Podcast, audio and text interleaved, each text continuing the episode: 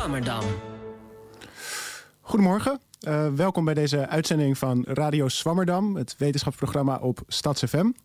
Uh, ik ben Bouke Kok en ik presenteer vandaag de eerste uitzending in ons nieuwe dossier uh, Denken met computers. Dat is nog een werktitel. We zoeken naar een meer poëtische titel en suggesties kunnen worden gemaild naar redactie.swammerdam.nl. Maar ja, vandaag hebben we in ieder geval een uitzending rondom digital humanities en het taalbegrip van computers. daarvoor heb ik twee gasten in de studio. Um, ten eerste is hier Anske Fokkens. Uh, zij is taalwetenschapper uh, en als universitair docent verbonden aan de faculteit der geesteswetenschappen van de VU. En zij houdt zich bezig met uh, digital humanities en computationele tekstanalyse. Welkom Anske, fijn dat je er bent. Ja, um, bedankt voor de uitnodiging. Ja, goed. En ehm, aan mijn andere kant zit uh, Piek Vossen, is hoogleraar computationele lexicologie, ook aan de VU. En hoofd van het Computational Lexicology and Terminology Lab, waar ook Anske uh, onderzoek bij doet. Uh, nou goed, welkom Piek, ook fijn dat jij er bent. Ja, goedemorgen. Goedemorgen. Um, ja, en verder in de studio is aanwezig mijn co-presentator Maribeth van Egmond. Is een uh, bekende stem op Radio Swammerdam. Uh, ze is oud-redacteur en eigenlijk deze zomer gestopt. Maar zo aardig geweest om vandaag in te vallen dus als co-presentator. Dankjewel Maribeth en welkom ook. Goedemorgen en leuk om er weer te zijn. Um, en de laatste persoon uh, maakt het vijftal compleet, Sikko de Knecht, die een column heeft voorbereid. Uh, welkom Sikko. Uh, ja, waar gaat je column over? Kun je een tipje van de sluier oplichten? Het gaat over een totaal verkeerd geïnterpreteerd experiment dat zogenaamd misgelopen zou zijn. En het gaat ook over taal, dus dat komt mooi uit. Oké, okay, nou, dat, ik ben benieuwd. Um, maar goed, ja, eerst... Um, nee, we moeten misschien heel even stilstaan bij moeilijkheid van de uitzending die blijkt uit de introductie. Namelijk dat uh, Piek en Anske heel nauw samenwerken en um, elkaar schijnbaar moeiteloos kunnen aanvullen. Dus we hebben een uh, beetje een taakverdeling gemaakt waarbij we het eerst kort over digital humanities zullen hebben. Um, dan zal ik ingaan op het onderzoek van, van, van Anske naar um, onderzoek naar stereotypering. en de teksten digitale tekstanalyse technieken die daarbij komen kijken. En dan zal ik het met Piek gaan hebben over um, taalbegrip van, van, van computers en, en van, van een, een robot ook die zij um, hebben ontwikkeld, Leolani. Maar goed, ja, eerst dus misschien heel even kort uh, digital humanities. Waar, waar, waar hebben we het over als we dat zeggen? Uh, nou ja, Piek, kan jij daar misschien iets, iets, iets over zeggen? Van, van wat, wat bedoelen we nou als we zeggen digital humanities? Nou ja, als je het hebt over humanities of geesteswetenschappen, dan denk je meestal aan bijvoorbeeld geschiedenis of stoffige archieven, uh, literatuuronderzoek, uh, taalkunde, linguïstiek. en de digitale variant daarvan, dan moet je je voorstellen dat al die gegevens, data, nu digitaal beschikbaar zijn. Grote hoeveelheden. Um, waar je anders voor uh, naar een plek toe moest om dan uh, een boek op te vragen, kun je nu met uh, één druk op de knop duizenden boeken krijgen. Dus kun je ook voorstellen dat er andere technieken toegepast gaan worden om die data te analyseren. Dus veel meer data, dus meer kwantitatieve methodes in aanvulling op de traditionele kwalitatieve methodes. En daar wordt dan technologie voor ontwikkeld. Ja, goed. Ehm, dat lijkt me een helder antwoord. Ik weet niet of je daar nog iets op aan te vullen hebt, Anske? Of, uh... um, ja, ik denk dat het inderdaad een duidelijke uh, korte samenvatting is wat uh, digital humanities is. Dus ja, misschien nog iets meer over het type technologie. En dan natuurlijk wat wij doen is vooral taalanalyse. Want veel van die, die data waar geesteswetenschappers mee samenwerken zijn natuurlijk taal. Uh, er zijn natuurlijk ook nog andere dingen zoals uh, visualisaties die helpen om dingen zichtbaar te maken. Of ook het verbinden van uh, data. Dat is dat linked data, semantic web, wat andere collega's doen. Dus het is wat breder dan natuurlijk taalonderzoek. Maar wij houden ons als taaltechnoloog natuurlijk met de taalkant bezig van de digital humanities.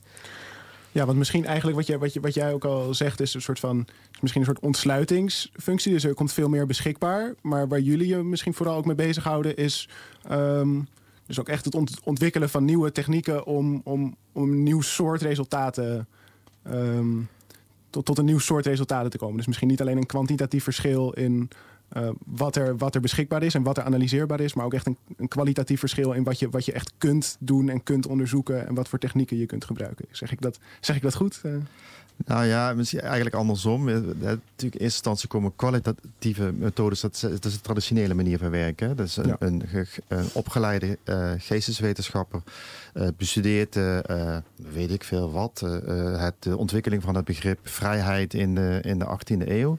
En gaat allerlei materiaal zoeken, lezen, bestuderen en interpreteren vanuit hun training. Maar die kan natuurlijk maar een bepaalde hoeveelheid data uh, verwerken. En kan ook niet overzien uh, al die data zeg maar, in je hoofd uh, structureren, organiseren. En met digitale technieken krijg je meer de kwantitatieve methodes. Zo'n computer die kan natuurlijk nooit zo diep een tekst interpreteren als een historicus. Maar kan veel meer teksten verwerken op een wat oppervlakkiger niveau natuurlijk. En dan misschien wel dingen ontdekken uh, waar die historicus zou het in theorie ook hebben ontdekt kunnen hebben. Maar uh, ja, dat kost misschien uh, eh, 50 jaar werk. En misschien zal hij het wel nooit ontdekken, want hij gewoon niet tegenkomt. Ja, nou goed, dat is misschien een goed bruggetje naar het onderzoek wat, wat Anske gedaan heeft. Naar wat jij gedaan hebt. Naar, naar stereotypering. Um, ja, misschien kun je gewoon even globaal vertellen hoe je daarbij te werk bent gegaan. Um, ja, ik, uh, ik, begin denk ik even met hoe het, uh, hoe het idee eigenlijk tot stand is gekomen. Dus in Digital Humanities is ook heel erg belangrijk dat je samenwerkt. Hè, want uh, taaltechnologie maakt fouten. Dus je moet altijd goed rekening houden met wat degene die de uitkomsten van je algoritme gebruikt precies wil weten. Dus ik praat veel met geschiedkundigen, maar ook met sociale wetenschappers. En in dit geval vertelt iemand van communicatiewetenschappen mij dat hij naar een, een klein eh, corpus, naar een kleine, dat is een selectie van artikelen, gekeken had. En daar bleek dat als er over diefstal gesproken wordt en de dader is van Marokkaanse afkomst, dan wordt hij heel snel een dief genoemd. Maar als het een autochtone Nederlander is, dan heeft hij iets gestolen. Nou, wat ik dan vraag is: oké, nou je ziet dat en je gaat het een beetje tellen. En is het nou echt systematisch zo of niet? En als taaltechnoloog kan ik dan natuurlijk eh, daar de technologie voor ontwikkelen om dan naar heel veel data te kijken en te kijken of er patronen zijn. Dus daar is het idee gekomen om eh, technologieën te ontwikkelen die stereotypen um, of het, het, gebruik van stereotypen in taal kunnen identificeren. En dan is dat eigenlijk compleet onafhankelijk of je nou geïnteresseerd bent in eh, stereotypering van bijvoorbeeld een etnische groep of iets anders. Dus het is een algemene technologie die, die probeert op patronen in hoe, hoe beeldvorming in teksten tot stand komt te laten zien. En het idee is als volgt. Dus als je dan een artikel hebt, dan staat er, er staat er allemaal informatie over een persoon of over een groep of misschien over een gebeurtenis. En dan kan je dan uh, uithalen welke woorden worden gebruikt om naar die persoon te refereren. Dus wordt iemand een dief genoemd of een verdachte of een dader. Uh, welke uh, beschrijvingen worden daar aan toegevoegd? Dus in principe bijvoeglijk naamwoorden of een achtergrondinformatie. bijvoorbeeld zoals in het, het voorbeeld van net van Marokkaanse afkomst. En ook wat voor een activiteit is nou iemand in uh, betrokken. Dus uh, nou, uh, is, het in, is het iemand die iets steelt of wordt iets van iemand gestolen? En die technologie probeert het allemaal te verzamelen, zodat je een soort van klein beeld krijgt wat van iemand geschetst wordt. En dat noem ik een microportret. En als je dan van heel veel data microportretten gaat extraheren, dan kan je zien van, oh wacht even, uh, hier zijn verschillende artikelen, heeft iemand iets gestolen en dat klopt inderdaad. Het woord dief komt veel vaker voor als het iemand is van een bepaalde achtergrond. Of misschien komt er ook uit dat dat niet klopt. Dat dat in dit kleine voorbeeldje van mijn collega zo was, maar als je op grote data gaat kijken, is dat helemaal niet het geval. En uh, daar kunnen dan sociale wetenschappers weer kijken of er inderdaad sprake is van stereotypering. En zo ja, is het dan negatief of juist positief. Die, um, ja, dat is een beetje het idee in een, uh, in een nutshell. Ja, en zo'n zo'n microportret waar je het over hebt, dat is ook echt een soort innovatie of een, ja, vernieuwing die jij, die jij met, je, nou ja, met je groep of, of zelf um, hebt toegepast, toch? Want het is oudere technieken en misschien simpelere technieken om, om woorden aan elkaar te verbinden. Die werken minder goed voor het doen van dit soort onderzoek. Um, ja, het is eigenlijk het, het brengt bestaande technieken bij elkaar. Maar het idee om het op deze manier samen te nemen en het, concept van microportret is voor zover ik weet echt nieuw. Dus dat is uit, uit dit onderzoek uh, voortgekomen. Dus. Um, ja, ik vroeg me af uh, of in, uh, of die computer dan ook nieuwe vooroordelen eruit haalt. of alleen de voordelen kan checken, zoals het voorbeeld wat je net gaf, ehm, als, je, als je dat aan hem vraagt. Uh, ja, dus een computer kan zeker ook nieuwe vooroordelen laten zien. Uh, dus die, die computer die is eigenlijk, die, die haalt alleen maar patronen eruit. En de manier waarop ik die technologie geïmplementeerd heb, kijkt hij echt alleen maar naar alles wat over iedereen gezegd wordt en groepeert dat. Dus je kijkt naar op zinsniveau, oké, welke woorden worden gebruikt voor een persoon? En is het nou iemand die de dader is, bijvoorbeeld in stelen? Of het, het, het, slachtoffer van een, een, misdaad. En dan verzamelt hij dat. En wat mijn collega's bij sociale wetenschappen hebben gedaan, is die hebben dus expliciet gekeken: oké, hoe wordt nou over. Uh, wat wordt er nou allemaal gezegd over mensen waar ook wordt gezegd dat ze moslim zijn of uh, uit Marokko komen? En wat wordt er nou gezegd over mensen die Nederlander zijn? Maar je kan ook andere dingen kiezen. kun je, je misschien een voorbeeld noemen van iets wat een computer er dan uithaalt, wat je misschien als mens nooit hebt gezien? Um, even kijken of ik daar een voorbeeld van heb wat, wat eigenlijk daaruit kwam was vrijwel eigenlijk wel heel erg voorspelbaar uiteindelijk. Maar wat wij niet van tevoren hadden bedacht, maar het is wel logisch als je erover nadenkt, is dat, het, uh, uh, dat je Nederlander bent wordt heel belangrijk als je aan het sporten bent. Dus de dingen die Nederlanders het meeste doen is winnen, breken van uh, records. dat, dat soort dingen, dat, dat, dat doen Nederlanders. Dan, dus dat, dat, is, ja, dat was iets wat... Hadden we misschien wel kunnen bedenken, maar dat wilden we misschien niet toegeven. Ja, misschien inderdaad, ja. ja worden we dan mee geconfronteerd door de computer. Ja. Nou, je kunt ook wel voorstellen dat je bijvoorbeeld als je dit uh, jarenlang doet, dat je misschien veranderingen kunt meten. Dus niet zozeer dat je een nieuw portret, maar dat je kan zien dat, het, dat de trend een beetje mm -hmm. of sterker wordt of minder sterk wordt. Precies, ja, dat is inderdaad ook wat uh, collega's van sociale wetenschappen aangeven. Dat je eigenlijk juist wil kijken, en dat, uh, wat, wat was er nou bijvoorbeeld voor september 11 uh, mm -hmm. en daarna? Nou, of als er een aanslag is gepleegd, verandert dit? Ja. En dan, dan, wordt het echt, dan krijg je echt details te zien over hoe wat er gebeurt invloed heeft op hoe er in de media over dingen gepraat wordt. Ik zou het wel eens willen controleren met reclames. Want ik heb toevallig in het VWO een keer een projectje gedaan met een stel Noren uh, naar reclame. En het was na 9-11.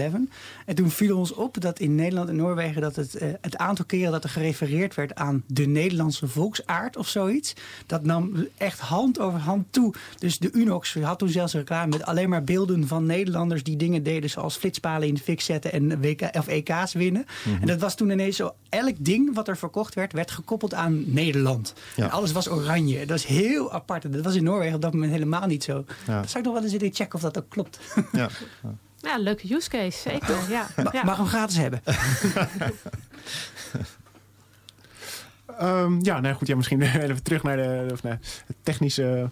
Um, want je, je, je moet dus voor die, voor die microportretten, je moet, je moet woorden, dus, dus, dus tekst moet je op de een of andere manier vertalen naar uh, kwantitatieve uh, nou ja, de, de variabelen of hoe, hoeveelheden. En, en ja. ik bedoel, hoe, hoe, ga, hoe, hoe zit dat proces in elkaar? En, en hoe... Um, ja, dus in het geval van de microportret, het hangt er eigenlijk altijd natuurlijk vanaf wat je wil weten. Uh, er wordt eerst uh, gekeken naar de grammaticale structuur van een zin. En op basis daarvan uh, gebruik ik technieken om te kijken naar wie is de, dus de, de, acteur of de agent, zeggen wij, in een, in een activiteit. Dus wie doet iets en, en, en wie ondergaat iets. Maar ook dus kijk naar zelfstandig naamwoorden, de bijvoeglijk naamwoorden. En dat wordt allemaal dan aan die persoon gekoppeld. Dus eerst op zinsniveau. En dan gebruik ik daarna een algoritme dat kijkt over de hele tekst heen. Welke uh, dingen in verschillende zinnen uh, refereren nou aan dezelfde persoon? Dus dat is nou als er eerst dan uh, de dader en dan hij staat, dat hij dan weer die dader is. En dat wordt dan bij elkaar ge, gebracht. En in dit geval heb ik eens gekeken naar wat iets handig was voor mijn collega's van de sociale, sociale wetenschappen om mee te werken. En dat wordt dan een, in dit geval een comma separated values. Dus eigenlijk gewoon een Excel sheet. Hm waar uh, een, uh, een uh, voor ieder um, persoon dat beschreven wordt in een document alle beschrijvingen staan. Dus er staat, ehm, heeft het label Marokkaan, um, de activiteit gaan naar de moskee. Zo'n zo lijstje van, van dingen is dat dan. En daar hebben mijn collega's van de sociale wetenschappen dan weer statistische analyse op toegepast om te kijken wat voor een, correlaties ze daar vonden. Ja, en dan ging het dus om uh, een soort, soort affectieve lading die mensen met bepaalde woorden hadden. Ja, daar hebben we inderdaad ook nog naar gekeken. Want eerst, eerst krijg je gewoon die ladingen en dan komen allemaal woorden uit. En, en wat, wat betekent dit nou? Dus wat we ook hebben gedaan is dat we een aantal studenten uh, beschrijving hebben uh, gegeven. En aan hun hebben gevraagd, vind je dit nou iets positiefs of negatiefs zeggen over de persoon. En, en, een manier, en ook heel duidelijk gezegd dat het erom gaat dat je positief of negatief over de persoon gaat denken. Dus als iemand een slachtoffer is, dan is het neutraal. Of misschien positief als je sympathie hebt voor een slachtoffer. Want daar kan iemand niets aan doen. Of ook bijvoorbeeld kanker hebben is natuurlijk heel negatief als je dat gebeurt. Maar dat is niet iets wat je iemand verwijt. Maar dader zijn van een misdaad is natuurlijk negatief. Of scheldwoorden die gebruikt worden om naar mensen te refereren. En daar dus een hele lijst woorden zijn door die studenten geannoteerd, door meerdere studenten over dezelfde woorden. En die hebben we gebruikt om te kijken of de beschrijvingen gemiddeld genomen positief of negatief uh, waren. En daar kwam ook uit in dit, dit geval. Dus dit was onderzoek om echt te kijken naar hoe er over moslims werd gesproken in verkiezingstijd dat uh, ja, voor moslims gemiddeld genomen... de meeste dingen over beide groepen eh, zijn... Nederlanders en moslims zijn neutraal. Maar over moslims werd gemiddeld genomen toch wat vaker negatief gesproken. Of werden veel negatieve dingen gezegd. En over Nederlanders eigenlijk vrijwel allemaal positief. Of neutraal. Ja, maar en, en dus voor zo'n soort onderzoek, dat is dus echt dan een samenwerking tussen dingen die mensen kunnen en dingen die, die computers kunnen. Dus, dus uiteindelijk heb je wel dus mensen nodig voor. Ja, zeker, ja. Um, ja, en dan misschien toch nog inderdaad even verder over die verhouding tussen wat mensen kunnen en wat computers kunnen. Want um, nou, Maribeth heeft het net over. Hè, computers kunnen misschien dingen laten zien die we niet verwacht hadden. Maar er is misschien ook weer een soort van typisch menselijke vaardigheid om, uh, zeker in, in geesteswetenschappelijk onderzoek, kritisch te reflecteren op, op de aannames die je, die je doet. En in hoeverre is dat met, met dit soort van computationeel onderzoek een gevaar dat nee, de aannames in, in, je, in je analyse. Um, een soort van verborgen worden in de, in, in de algoritmes die je gebruikt en niet meer, niet meer een kritische reflectie worden ja, onderworpen? Ja, dat, dat, dat, is, dat is inderdaad een hele goede vraag en ook een heel belangrijk punt. Dus uh, het, uh, echt, tenminste zo, zoals ik het zie, vullen computationele technieken eigenlijk altijd het onderzoek aan. En het kritisch reflecteren is heel belangrijk. En er komen ook nieuwe aspecten aan. En daar, zijn, daar is niet iedereen zich altijd van uh, bewust. Dus uh, het grootste gevaar is dat je een bepaalde hypothese hebt. Die, uh, dus bijvoorbeeld, je, je, denkt dat er negatief over moslims wordt gepraat. En dan zie je dat en denk je, oh dat klopt. Maar het kan dus ook zijn dat je als je een algoritme hebt... en zeker als dat automatisch dingen heeft geleerd... dat er een soort van bias in zit. Dus je moet eigenlijk altijd heel goed verifiëren... of de resultaten die uit het onderzoek komen kloppen... Nou zei ik volgens mij eerder al dat taaltechnologie maakt altijd fouten. En waar het dan vooral ook om gaat, is dat, uh, dat je niet per se kijkt naar de percentages van oh, 80% is correct en ik kijk naar heel veel data, dan zal het wel ongeveer kloppen. Maar dat je kijkt naar wat er precies misgaat. Dus in ons onderzoek bij microportretten gaat het vooral mis als zinnen heel erg lang zijn. Dus dan is het eigenlijk belangrijk om te weten of als je nou, uh, of misschien kijk je naar overgewicht of zo, worden daar dan vaker lange zinnen gebruikt of niet? Want dan gaat, heb je het risico dat er uh, voor het geval waar je naar kijkt, vaker dingen misgaan of waar je daar meer mis, uh, in mist dan het geval waar je mee vergelijkt. En dan heb je een probleem. Dus als je wil kijken of uh, geen stel of Joop negatiever is over immigranten. En dan blijkt dat je algoritme alle negatieve uitdrukkingen die mensen die op Joop zitten mist. En die op geen stel wel vindt. En dan krijg je een gigantische bias in je resultaten. Dus dat zijn dingen die heel belangrijk zijn om te uh, verifiëren. En daarvoor is ook weer die samenwerking nodig. Van iemand die de bronnen goed kent, die de onderzoeksvraag goed kent... en iemand die de technologie kent en weet wat voor risico's er zijn dat dingen misgaan. Want hoe werkt zo'n verificatie dan? Hoe, hoe kun je zoiets voorkomen?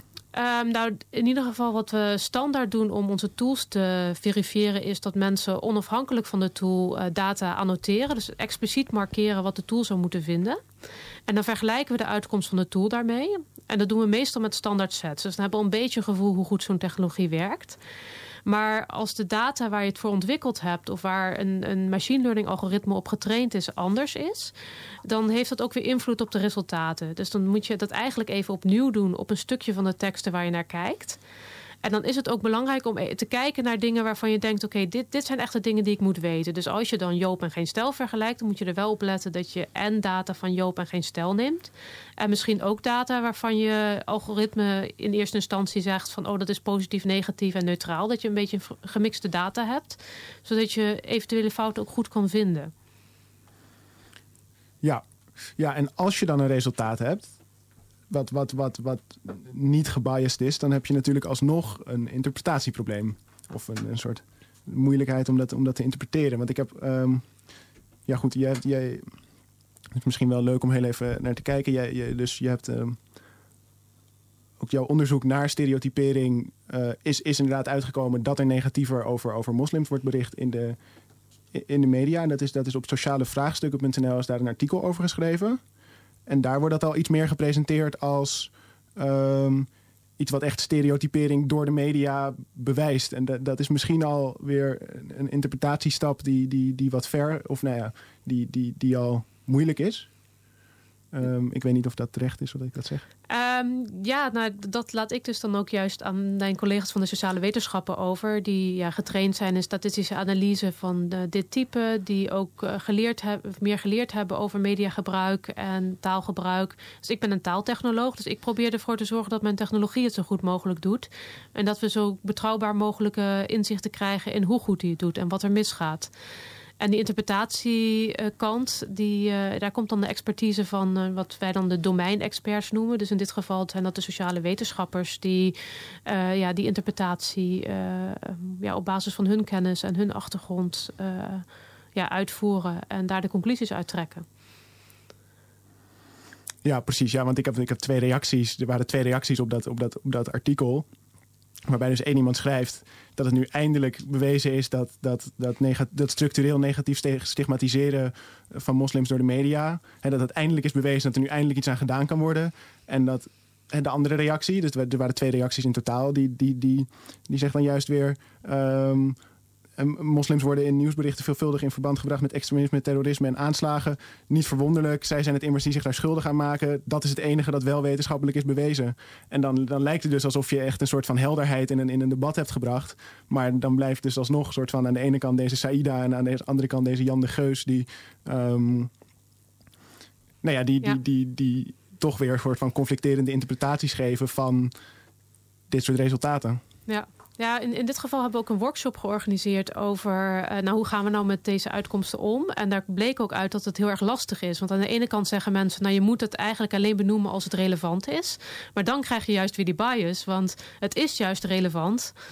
Als het om, eh, zeker om eh, een eh, terrorisme gaat met een ideologische inslag, nou, dan wordt het relevant. En dan krijg je juist dat je nooit hoort dat mensen die iets goeds doen of iets eh, of, of gewoon normale berichtgeving ook over moslims gaat. Dus dat is, dat is heel erg lastig. En ja, de- dat is inderdaad iets waar, waar ik geen antwoord op heb. Het enige wat, wat, wat ik kan doen is inderdaad mijn technologie zo goed mogelijk ontwikkelen en kijken of er verandering in zit. En, en dan hopen dat journalisten daar eh, ja, misschien iets mee doen als er, als er een probleem is. Maar ja, dat, Ja, nee, goed, dat is, dat is duidelijk. Dat, is, dat over, overstijgt jouw jouw jouw vakgebied. Of dat, Ja. eh, ja. Ehm, nee, goed, ja, dankjewel. We gaan eh, misschien even door met, met Piek en eh, taalbegrip van computers. Ehm, want, nou goed, als ik goed begrepen heb, eh, ben jij ook heel veel met, met, met dit soort onderzoek, eh, waar we het net over gehad hebben, bezig. En heb je ook samen met Anske een, een, een perspectief, eh, perspectiefmodel ontwikkeld, Ja. wat hier ook ehm, in gebruikt is in dit onderzoek. Maar ehm, ja, hou je je ook bezig met, met, ehm, met computers en specifiek ook nog met robots en met de vraag in hoeverre zij taal kunnen begrijpen. Ja. robots is het meest spectaculaire onderdeel daarvan natuurlijk. Maar in wezen komt het eh, eigenlijk eh, ook eh, neer op wat Anske net beschreven heeft. Is dat je taal hebt, of tekst of gesproken, dat maakt niet zo heel veel uit. Daar komen woorden in voor. En wij begrijpen die woorden, wij begrijpen de relaties tussen die woorden. En dan denken wij dat wij een idee uit die tekst kunnen halen. Een de- idee over de wereld bijvoorbeeld. Idee over moslims. Idee over andere, meer abstractere zaken. Wij gebruiken die taal eigenlijk eh, voor heel veel doeleinden in, in de samenleving. Alleen het lijkt allemaal heel makkelijk. Hè? Je leert het als baby, begin je al. En als je zes jaar bent, dan eh, heb je een behoorlijke goed eh, controle over je taal. Je begrijpt heel veel. Ehm, maar het is eigenlijk verbazingwekkend dat dat zo plaatsvindt. En op het moment dat jij dat aan een computer probeert te laten doen, dan zie je eigenlijk pas hoe moeilijk dat is. Want zo'n woord betekent helemaal niks voor een computer. heeft helemaal geen idee. Alles moet je definiëren. En Hmm. eh, niet alleen die duizenden, soms wel honderdduizenden woorden. Met dan, sommige met heel veel verschillende betekenissen. Maar ook de relaties ertussen. En ook het feit dat wij die betekenissen oprekken. En dat we, dat we daarmee spelen. En wij kunnen dat allemaal heel makkelijk als mensen. We zijn eigenlijk heel intelligent- intelligente wezens wat dat betreft. En computers zijn extreem dom. Die moet je echt alles uitleggen. En, en, en een robot dan helemaal. Want die moet ook nog eens een keer eh, de wereld om die robot heen waarnemen. En dan hebben wij het over die wereld. We hebben het over elkaar. Over ik als mens en over de robot. Het is allemaal heel ingewikkeld. En dat is natuurlijk, dat is natuurlijk van- ons fantastisch eh, onderzoekslaboratorium om mee te gaan spelen. Te kijken van oké, hoe doe je dat dan? Wat kom je dan tegen? En dat perspectiefmodel dat wij gemaakt hebben, dat heet trouwens GRASP. Even reclame daarvoor. Grounded Representation and Source Perspective eh, model. Dat gebruiken wij niet alleen maar om eh, eh, de informatie uit een tekst eh, te, weer te geven als van er staat informatie in, maar er staat ook het perspectief van bronnen in, de schrijver of mensen die aangehaald worden. Het gaat altijd over wat wij vinden van de wereld eigenlijk en niet zomaar over de wereld. Nou, dat kun je ook in het hoofd van die robot stoppen. Dus die robot die moet ook alle informatie die hij binnenkrijgt, daar moet hij zich van bewust van zijn. Dat is een bron, het hoeft niet zo te zijn. Het kan wel eens iets anders zijn. Of iemand kan mij iets vertellen, maar het zou niet kunnen kloppen wat hij zegt. En dus daar komen we eigenlijk al, al die zaken bij elkaar in dat hoofd van die robot. Ja, ehm, we hebben het wel net dus ook over eh, ehm, nou ja, computers heel erg op een heel instrumentele manier gehad. En ook, Ja. ook in een soort van eh, verhouding met tot, tot, tot, tot mensen die, ehm, ja, die, die interpretatief, interpretatief, eh, sterk, interpretatief werk voor die computer ook moeten doen. Mhm. Ehm, Die gebruiken het als een instrument, als een tool in een onderzoek. Ja. Ja, precies. Terwijl als we het over kunstmatige intelligentie hebben... of over een soort van robots die, die taal gebruiken... Ja. eh, je, en je zegt nu ook al, computers zijn eigenlijk heel dom... robots zijn eigenlijk heel dom. Maar dan, dan hebben we het toch over een soort van, soort van zelfdenkende robot... over een soort van taalbegrip op, op, op een ander niveau... dan misschien ehm, een soort instrumentele analyse van... ehm, ja, eigenlijk niet. Hè? Maar dat is een beetje de, nee, dat is misschien het populaire begrip... wat dan botst met het, mystificering eh, van, ja. eh, van kunstmatige in- intelligentie die op dit moment plaatsvindt. Maar, eh, de- dus het lijkt alsof dat een soort eh, zelfstandig, lerend, eh, onafhankelijk eh, iets is. Maar eh, dat lerende, dat is wel heel erg gerelateerd aan data. Aan die data moeten toch op een of andere manier gevoed worden. En eh, uiteindelijk is het net zo instrumenteel als wat uh, beschreven heeft. Ehm, ehm, en natuurlijk, je hebt van die dingen zoals dat hele dure term is reinforcement learning. Je zou die robot gewoon gedrag kunnen laten vertonen en die merkt wel wat goed of fout is en dan past hij zichzelf aan. Dan is hij zeg maar zelflerend. Dat dan een hele extreme vorm ervan. Maar dan heb, moet je wel heel veel geduld hebben, wil daar iets uitkomen, denk ik. Want uh, het gaat allemaal niet zo makkelijk en vanzelf. Dus wat ga je doen? Je gaat het toch instrumenteel organiseren. Je gaat dat, die robot helpen in het leerproces. En het is trouwens, ik heb altijd de analogie met de kleine kinderen die hun vingers verbranden aan het, aan het fornuis. Wat doen wij mensen? Niet nog een keer en nog een keer en nog een keer. Want dat is reinforcement learning. Hè? Dat, dat, elke keer moet je het maar weer opnieuw doen. En dit is goed en dat is fout en dit is goed en dat is fout. En dan moet het kind maar dan de abstractie maken. Nee, wij leggen het kind uit ja. hè, hoe het zit. Abstract, met taal. En we proberen relaties te leggen tussen dingen. En het kind moet vanuit het abstracte beeld in één keer naar de concrete werkelijkheid kunnen vertalen. En in een nieuwe situatie denken van wacht even, ik had me toen toch ook verbrand. En uh, misschien gebeurt het nu ook wel, dus zal ik het maar niet doen.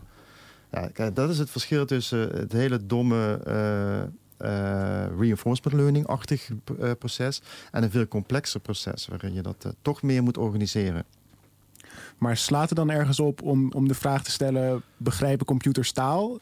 Uh, ik bedoel, is dat, is, dat, is dat dan een zinnige vraag om te stellen? Ja, dat is of is een hele, dat altijd... hele leuke vraag. Die is al heel vaak, die wordt al eeuwen ges, uh, eigenlijk uh, gesteld en over gediscussieerd.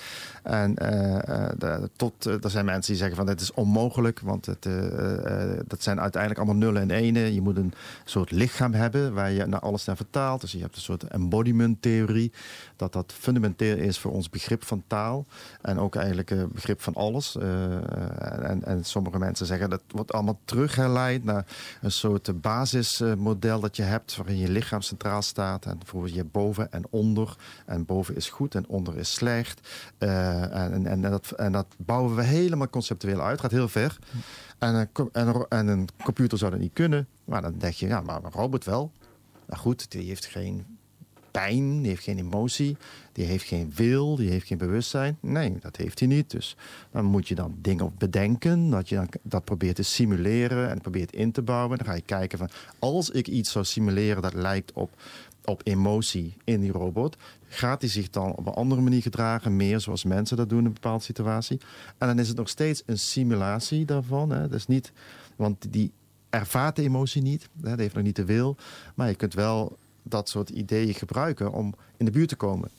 Aan de andere kant, wij weten ook niet of mensen elkaar begrijpen, hè, uiteindelijk. Want wij uh, uh, hebben natuurlijk allemaal andere ervaringen die we ook opgeslagen hebben. En als ik, uh, als ik het over koffie heb, dan heb ik andere koffie gedronken dan jij. Hm. En andere associatie. Misschien lust ik wel helemaal geen koffie, vind ik het vies. Dus wat is de betekenis van koffie? Ja, en hoe zie je dit soort reflecties dan in relatie tot, tot, tot, tot wat je zelf doet? Is dit dan iets. Um, soort van, soort van speel dat mee? Of ben je gewoon aan het uitproberen en, en, en schuif je dan dit, soort, dit soort filosofische overwegingen dan even naar de achtergrond? Nee, nee, nee, nee, absoluut niet. Nee, wij proberen bijvoorbeeld uh, die robot, uh, die proberen een soort honger mee te geven, een soort uh, motivatie. En vanuit die motivatie gaat hij communiceren met mensen. En de, de, het gaat om het principe. Hè? Dus het had ook iets anders kunnen zijn. En het is allemaal veel complexer dan dat. En deze heeft gewoon sociale honger. Wil mensen leren kennen en wil alles over ze te weten komen. Een, een robot Facebook, zeg maar. En uh, dus uh, als hij iemand tegenkomt die hij niet kent, dan wil, hij kennis maken. Dus uh, wie ben jij? Ik ben Leolani, zegt hij dan. wie ben jij? Gaat hij foto's maken van je gezicht, een naam eraan hangen. En dan wil hij weten waarbij kom je vandaan? wat vind je leuk? Wat zijn je hobby's? Wat heb je gedaan? Dus dat is zijn honger. En dan vertellen mensen dingen. En dan blijkt iets niet te kloppen, of dan blijken ze eh, elkaar tegen te spreken.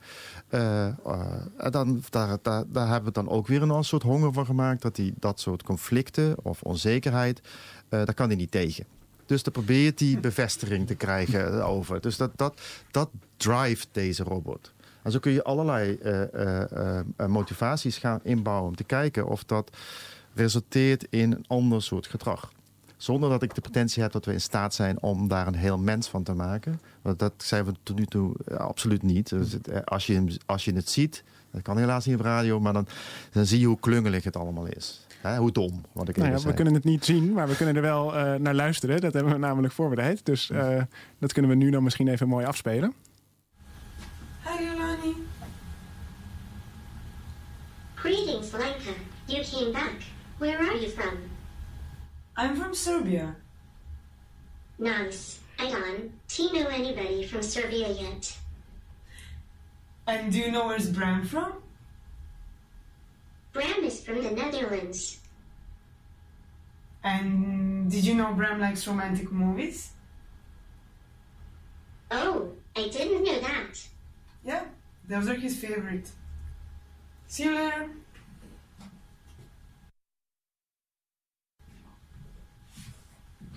Hello. Hi, Bram. At last. What movies do you like? I like science fiction movies. I am surprised. Lenka says you like romantic movies, but you say that you like science fiction movies. Humans are confusing. Nou ja, ja, dit is misschien een illustratie van het soort uh, conflict wat je net, uh, net besprak. Dus misschien kun je dit heel even toelichten wat, wat, we, wat we hier uh, nou ja, eerste... gebeuren en waarom dit bijzonder is. Ja, ja, goed, bijzonder, bijzonder, valt wel mee. Maar het, uh, in eerste instantie wat je hoort is dat, uh, dat het gaat over sociale conversatie. Dus de robot kent Lenka, kent Bram, weet dat Bram, Bram, Lenka kent. maar weet, wist nog niet waar Lenka vandaan kwam. Dus dat, dat, dat wordt een onderwerp van conversatie. Want dat is een soort, het heeft een soort frame met mogelijke informatie, kennis die je kan hebben over personen. En daar zit een gat in en dat wil ze dan vullen. Uh, en, uh, dus daar gaat het over. En, maar dingen die je leuk vindt, daar kun je eeuwig. Uh, ze heeft in haar brein hele lijsten van wat mensen lekker vinden, leuk vinden en gedaan hebben en noem maar op. En dat bouwt als het ware op. Hè? Dus, eh, hoe meer je met haar gaat praten, hoe, gro- hoe groter dat, dat groeit. Dus, eh, en dan eh, zag je dus nu dat eh eh, Lenke kan dingen niet alleen over zichzelf vertellen, maar over iemand anders. Dus namelijk over Bram. En dan, eh, dan is al heel ingewikkeld, want dan moet ze dat opslaan, net als Anske dat vertelde, bij de juiste persoon. Dus die eigenschap van romantische films leuk vinden, moet, moet, ze niet opslaan als iets dat Lenka vindt. En Lenka heeft het gezegd, maar ze heeft het gezegd over Bram. Vervolgens komt Bram binnen. Dan moet ze dus Bram herkennen. Gezicht. Oh ja, dat ben jij Bram. Oh ja. En dan, eh, ik heb net iets over jou gehoord. Dus dan gaat hij dat eh, verklappen. Want eh, je houdt kennelijk van romantische dingen. Dus dat is alweer zo'n dingetje wat je inbouwt. Als je net iets hebt meegemaakt dan, en je komt iemand tegen, dan kun je daarover over gaan praten. En dan zegt Bram iets anders. En dan in dit geval is het zo als ge- gebouwd dat dat als een conflict wordt gezien. Dat hoeft niet altijd zo te zijn. En dan gaat ze daarop reageren. En Maar in dit geval lijkt me vrij eh, makkelijk op te lossen, toch? Dat je, dat je tegen die robot zegt... eh, iemand kan van meer verschillende soorten films Ja. houden. Ja, nou ja, goed. Er is nu één student, mee bezig die gaat kijken van hoe, hoe kan die robot redeneren over wat is een conflict, wat is niet een conflict, wat is, eh, en wat is onzekerheid. En als we dat gedaan hebben, ehm, eh, dus bijvoorbeeld, ja, je kunt maar uit één. Eh, eh, de, je kunt maar uit één land vandaan komen, niet uit Servië en uit Hongarije. Eh, trouwens, Lenka is zowel Servisch als Hongaars, maar ze komt uit Servië. Dus als, als iemand heeft, oh, ik dacht dat ze uit Hongarije kwam, dan moet ze dus realiseren van, wacht even, één van die twee kan maar waar zijn. Maar je hebt natuurlijk, wat waar en niet waar is, is natuurlijk niet zwart-wit. Er zit heel veel grijs tussen. Dus het is best wel ingewikkeld om te redeneren over wat wel en niet een conflict is. En eh, daar gaat zij aan werken. Dus dan, dan, dan is het op zich. eh, ja, het oplossen is meer een kwestie van eh, dat algoritme. Dan heb je het woord weer algoritme. Gaat redeneren over die informatie. En gaat zeggen van, oh, maar dit hier, dit kan echt niet. Dus dan moet ik daarop reageren. En dan gaat ze het vragen. En kunnen in zo'n perspectiefmodel ook ehm, soort van autoriteit aan verschillende perspectieven worden toegeschreven? Dus, dus, dus natuurlijk wat, wat Bram zegt over welke films hij leuk Ja. vindt, dat je dat meer autoriteit toekent dan wat Lenka zegt Ja, over wat ja dat, dat geldt niet alleen voor die robot, maar ook voor, voor, voor, voor, wat, wat Anske doet. Of welke bron we ook verwerken. Is dat je kan zeggen van hoeveel verschillende bronnen zeggen hetzelfde. Eh is, er zijn er outliers. Die, die, die, hè, en, en, en, eh, dus eh, wat, is de, wat, is de, wat wordt er gemiddeld als beweerd van iedereen? Dus eh, welke films wordt het meeste van gehouden? Dus dat kun je, daar kun je over redeneren natuurlijk. En je kunt ook zien dat iemand, want eh, op zich kunnen mensen hun mening veranderen. Ze kunnen tegen die robot ook zeggen: nee, dat is niet zo. Of eh, nee, dat heb ik ooit wel eens gezegd, maar nu vind ik het niet. Die robot houdt elke conversatie bij. Dus weet precies wanneer wie wat gezegd heeft.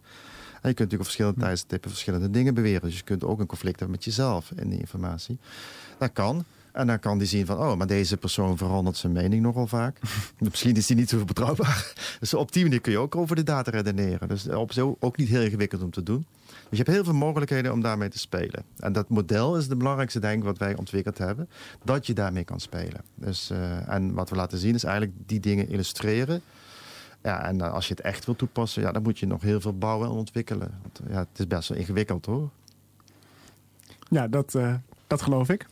Ehm, ik denk dat het tijd is om eh, door te gaan naar de, de column van, van Sikko. Dus ik zal het woord nu, eh, nu aan jou geven, Sikko.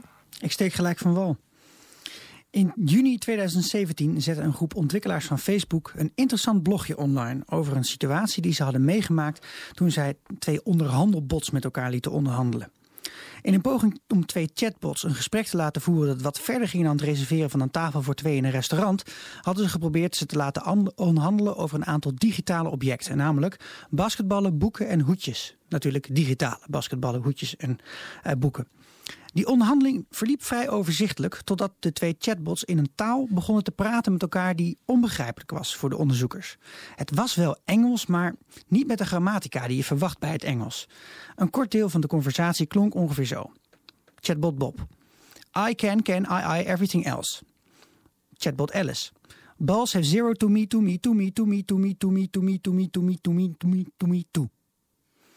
Alhoewel het verhaal initieel gewoon zelf door de onderzoekers bij Facebook in een blogje was gezet en er verder een paar sites hadden aangehaald, kreeg het artikel in afgelopen in juli 2017 een ware wedergeboorte. In die verhalen eindigde het incident zo dat de mensen bij Facebook zich dood waren geschrokken van deze gebeurtenis en alle minuut de stekker uit de computer hadden getrokken. Ze hadden de computer overlord recht in de ogen gekeken. En als er één verhaal is waarvan je er echt duizenden versies van kunt vinden op het internet, dan is het dit verhaal wel. Er zijn echt ongelooflijk veel websites die over deze gebeurtenis hebben geschreven. En overal werd het voorval direct gekoppeld aan eerdere uitspraken van leidende figuren uit de techwereld die het einde van de wereld voor door de komst van kunstmatige intelligentie voorspelden. Het bleek een totaal uit zijn verband gerukt verhaal te zijn. Een van de onderzoekers van Facebook, Dhruv Batra, legde in augustus aan de wereld uit dat het in zijn geheel niet zo gelopen was. Het onderzoek had inderdaad een interessante wending, eh, wending genomen, die niet per se voorzien was, maar van paniek en stekkers ergens uittrekken was eigenlijk helemaal geen sprake. Dat twee zogenaamde agents, wanneer je ze een opdracht geeft in een werkruimte, wel eens met een niet-intuïtieve strategie komen, ja, dat komt wel vaker voor, stelde Batra. Maar het analyseren van wat er is gebeurd en nieuwe parameters instellen, dat is niet hetzelfde als een stekker uit een experiment trekken of KI uitzetten of iets dergelijks. De onderzoekers waren simpelweg niet geïnteresseerd in wat er gebeurde en waren iets anders gaan doen. Bovendien, stelde Batra, is er een heel vakgebied dat zich bezighoudt met precies dit soort programma's en taakjes. En zijn chatbots gewoon eigenlijk niet zo heel erg overtuigend nog in wat ze kunnen. Wat nou verder na enige analyse bleek, is dat die chatbots hadden besloten dat ze dat wollige Engels helemaal niet nodig hadden voor hun taakje. Het kon veel sneller. Dus een uitspraak als I, I, can, I, I, I, everything else. Dat was eigenlijk een manier voor Bob om Alice wat meer items aan te bieden. En dat betekende eigenlijk niet heel veel meer dan ik wil er drie en jij mag de rest hebben. En je kunt het dus, als zoals de redacteur van Gizmodo destijds uh, deed, creepy noemen. Maar je kunt het ook vernuftig, verwonderlijk of tof vinden. Het is maar een beetje hoe je er naar kijkt. En dat is precies de reden waarom ik vandaag dit voorbeeld mee heb genomen. Want wat hier eigenlijk aan de hand lijkt te zijn, is dat aan de hand van een prikkelend voorval een veel grotere vete wordt uitgevochten.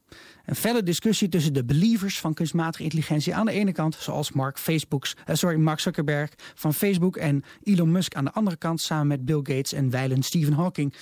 En deze kampen hebben zich de afgelopen jaren stevig uitgelaten over de potentiële meerwaarde en de risico's van kunstmatige intelligentie.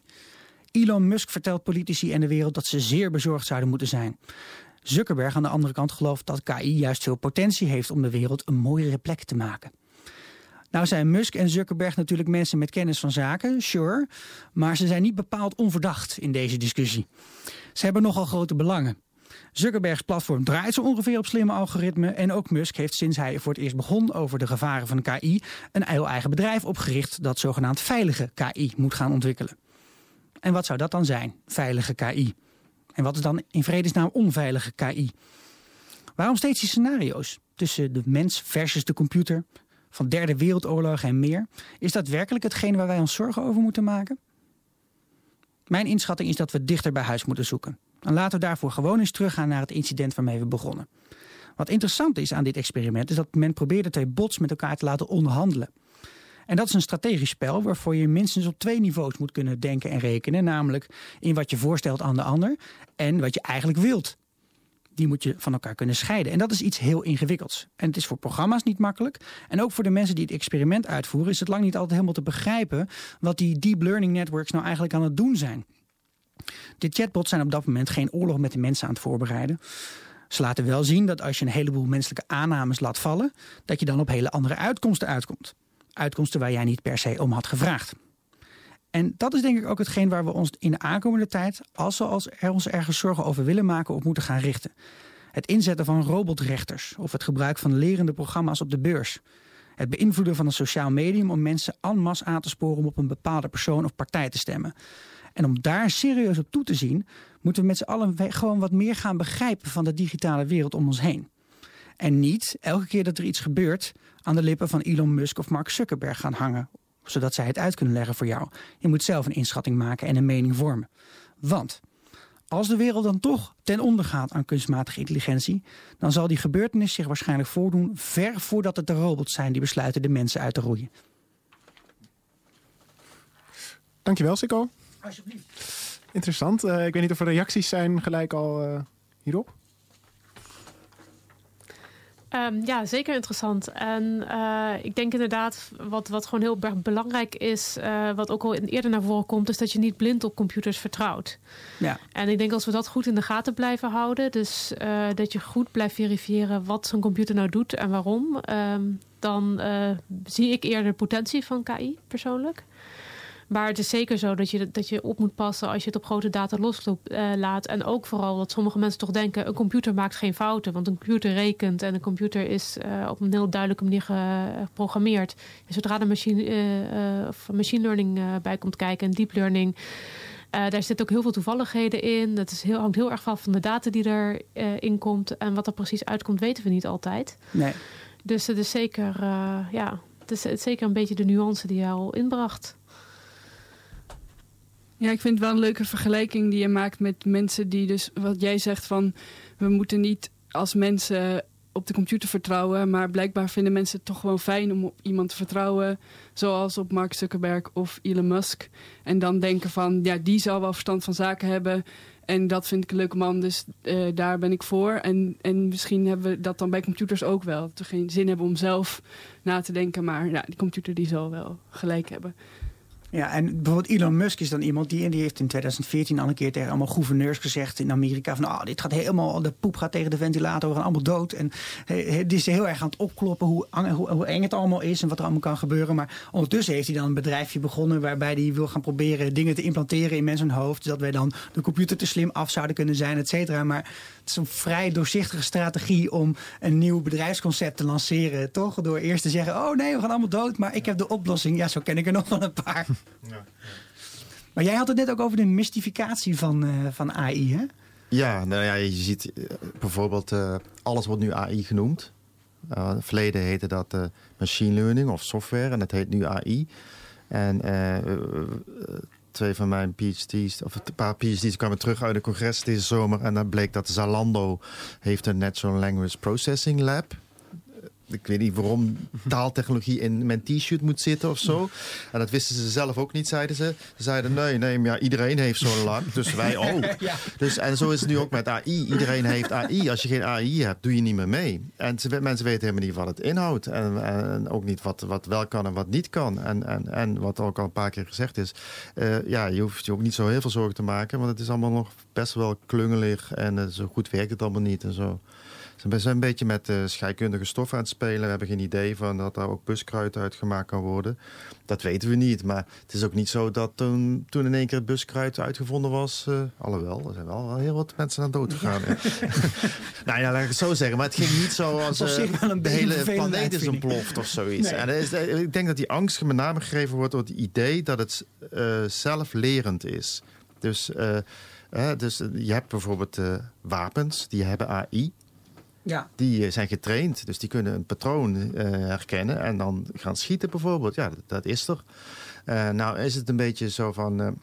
Die zijn natuurlijk getraind met data. Die, is, die ze worden uh, getest, zoals Anske ook zei. Je moet heel goed weten uh, hoe je dat moet evalueren en testen... voordat je technologie uiteindelijk goedkeurt en inzet. En dat zullen de, de uh, wereldmachten echt wel doen met hun wapens... want anders gaat hij hun eigen president dadelijk overhoop schieten. Dat is het laatste wat ze willen waarschijnlijk. Dus dat is heel goed getraind. Maar ja, wat is het nu als, die, als dat, die, dat wapen nu zelf gaat leren... Dat is heel iets anders. Want uh, wat is dat zelf leren dan? Hè? Want uh, dat zou betekenen van... oh, weet je wat, ik ben getraind om die, die dood te schieten. Misschien moet ik wel eens die andere ook eens doodschieten. Misschien is dat wel nog beter. Hè? Dat is wat ik ook bedoelde met die reinforcement learning. Hè? Dan ga je variëren in je gedrag en kijken of het goed of fout is. Nou, volgens mij gaat geen enkele wereldmacht gaat dat bouwen. Het schijnt wel dat Israël volgens mij langs de grens uh, wel in ieder geval uh, mitrailleurs heeft staan die inderdaad uh, beweging herkennen en dan gewoon afgaan. Ja, maar die zijn dus ontwikkeld. Vrij simpel eigenlijk, hè? Dat, ja, maar die zijn, maar die zijn ontwikkeld en zo in, in een situatie geplaatst, in een context, dat ze niet hun eigen mensen overhoop schieten, toch? Dus ze, ja. ze, ze, willen daar controle over hebben, lijkt mij. Het lijkt ja, me heel raar als jij een wapen ontwikkelt, uh, uh, zoals een Schwarzenegger door, door, door Israël of Amerika heen gaat lopen en iedereen zomaar neer gaat schieten. Nee. Nou, aan de andere kant liggen ook landmijnen. Dus. Ja, precies. Dat dacht, wil ik ook zeggen. Dat klinkt meer als een landmijn. Van betreed dit gebied niet, want ja. Ja, nou, en het andere is dat natuurlijk heel veel van die, hè, die Predator drones... Nou, dat soort dingen, daar wordt door het Amerikaanse leger natuurlijk wel degelijk naar gekeken... of Ja. je die kunt automatiseren en dat soort zaken. En Maar automatiseren is niet, precies, is, niet hetzelfde. zeg Nee. maar iets dat eh, eh, zomaar op drift kan gaan en zelf kan bepalen, ik ga iets Nee. anders doen. Hè? Dat, dat, dat hele idee dat er dus een, een, een paperclippenfabriek eh, gaat bedenken van dat, dat ze efficiënter paperclips kunnen gaan produceren als ze de mensheid uitroeien. Dat, dat, dat is de, daar is de hele discussie ooit eens mee. Of dat, dat wordt gebruikt in de discussie. Ja, dat is gewoon waanzinnig. Dat slaat helemaal nergens op, volgens mij. En dat was al in eh, Space Odyssey, toch? Dat de computer eh, zijn bemanning eh, vermoordde. Omdat ja, hij omdat dacht dat, dat hij het zelf was. beter ja, kon. Ja, ja, Dat ja. dus 60 Ja, ja, het, is heel interessant hoe breng je ethiek in, je, in, in jouw systemen. Dat, maar dat geldt ook voor een belastingssysteem. Niet alleen maar voor wapens. Het gaat voor elk systeem dat je ontwikkelt. Daar zul je over na moeten denken. Ik zat te denken, stel, als je dit, stel je voor dat deze chatbots het wel lukt om echt een beetje fatsoenlijk te onderhandelen met elkaar. Ja. En dat eh, mensen gaan met z'n allen denken, nou dat is dus goed. Je moet je chatbot laten onderhandelen over je hypotheek. Ja. En eh, je geeft dat, dat, dat programma allemaal informatie mee. En voor je het weet zijn alle huizen ineens 3 miljoen euro. Omdat dat nou eenmaal de oplossing was die die bots hadden bedacht. Dat is nog wel iets waarvan ik denk, ja, op kleine schaal zie je af en toe wel dat soort dingetjes gebeuren. Ik bedoel, ja, dat ontspoort. Ja. ja, en ik, het feit dat je, dat, je, dat je echt een filtering hebt in je en, in je- en op je Facebook en dat soort dingen, zijn volgens mij wel degelijk echt problemen. Maar je kunt ze vooral, ze worden echt gevaarlijk als iemand ze bewust inzet om iets wat, ik, wat ik dus een van de rare dingen vind, hè, in dit geval heb je dus twee systemen gaan met, eh, met elkaar eh, eh, sparren eigenlijk en dan een functionaliteit ontwikkelen. Maar wat ik gewoon heel belangrijk vind, is eigenlijk, vind ik, is dat systemen leven in dezelfde samenleving als wij, mensen. Dus je moet, mensen en systemen moeten samenwerken. Dus dat betekent ook, mensen moeten met systemen communiceren en systemen met mensen communiceren. Dus zo'n zo'n zo'n hypotheek AI zou eigenlijk moeten denken van, jongens, ik ben dit nu aan het bedenken, maar wat vinden jullie er eigenlijk van? Is het eigenlijk wel wenselijk wat ik hier ontwikkel of niet? Dat is heel normaal gedrag, toch? Dat, zo, doen wij dat ook. Hè? Ik kan ook wel ergens eh, midden op de dam eh, denken, ga hier eens een, met een schep in de grond eh, en, iets doen of zo, of een kuiltje maken. Maar dat gaat niet. Hè? Wij, wij, leven samen, wij maken afspraken, we onderhandelen. En dat hetzelfde geldt dat voor systemen en mensen ook met elkaar. Die moeten dus naar een maatschappij waarin ze samen door een deur moeten. En zo moet je ze ook bouwen. Want dat is al wel interessant, want dat is, dat is al een soort andere manier dan. Hè, we denken vaak in termen van controle. Dus als we, Ja. als we een systeem eh, begrijpen en controleren, hè, dan, zijn we, dan zijn we veilig. Maar Ja. communicatie is al. Dan, hè, dan heb je al een soort van andere manier van omgang met zo'n systeem. Ja, ja. Maar dat is dus wel. Ik bedoel, de, de, de, dus dat is wel waar we naartoe gaan. Dus nog los. eh, Van, Nou, van ik de denk dat dat heel belangrijk is. Dus, eh, eh, dus he- heel veel van die systemen zijn heel vervelend. En, en, en, en, dus zou heel prettig zijn als je gewoon met zo'n magnetron kan communiceren of zoiets. Of, of welk systeem dan ook. Of dat het Internet of Things is, of dat het met belasting eh, AI-systeem is, of, of, of, of een wapen dat, dat ze een geweer op mij richt en dat ik misschien uitleg van "Lo- sorry, volgens mij maak je een foutje. Eh, ik, ik heb niks gedaan. Eh, noem maar wat. Het lijkt mij alleen maar helemaal heel belangrijk dat je dat doet. Ja. En je moet volgens mij ook gewoon niet zomaar alles accepteren omdat je er iets voor terugkrijgt. En Ja. het voorbeeld daarvan is die Alexa en die Google Home eh, computers die er staan in je huis, zeg maar. Daar kun je mee praten. Ja. Dus dan moet je zeggen, nou Alexa. En dan zegt Alexa, oh ja, ja sorry, ik, was, ik ben er. Eh, maar die wordt dan natuurlijk niet op dat moment wakker. Nee. Die staat de hele tijd aan. Ja. En blijkbaar is het zo dat Alexa eh, de 10 seconden voordat jij Alexa riep ook opneemt. Want Ja. dat, doet hij, dat doet hij altijd omdat hij aan moet staan. En dat in die 10 seconden eh, materiaal wat daarvoor zit...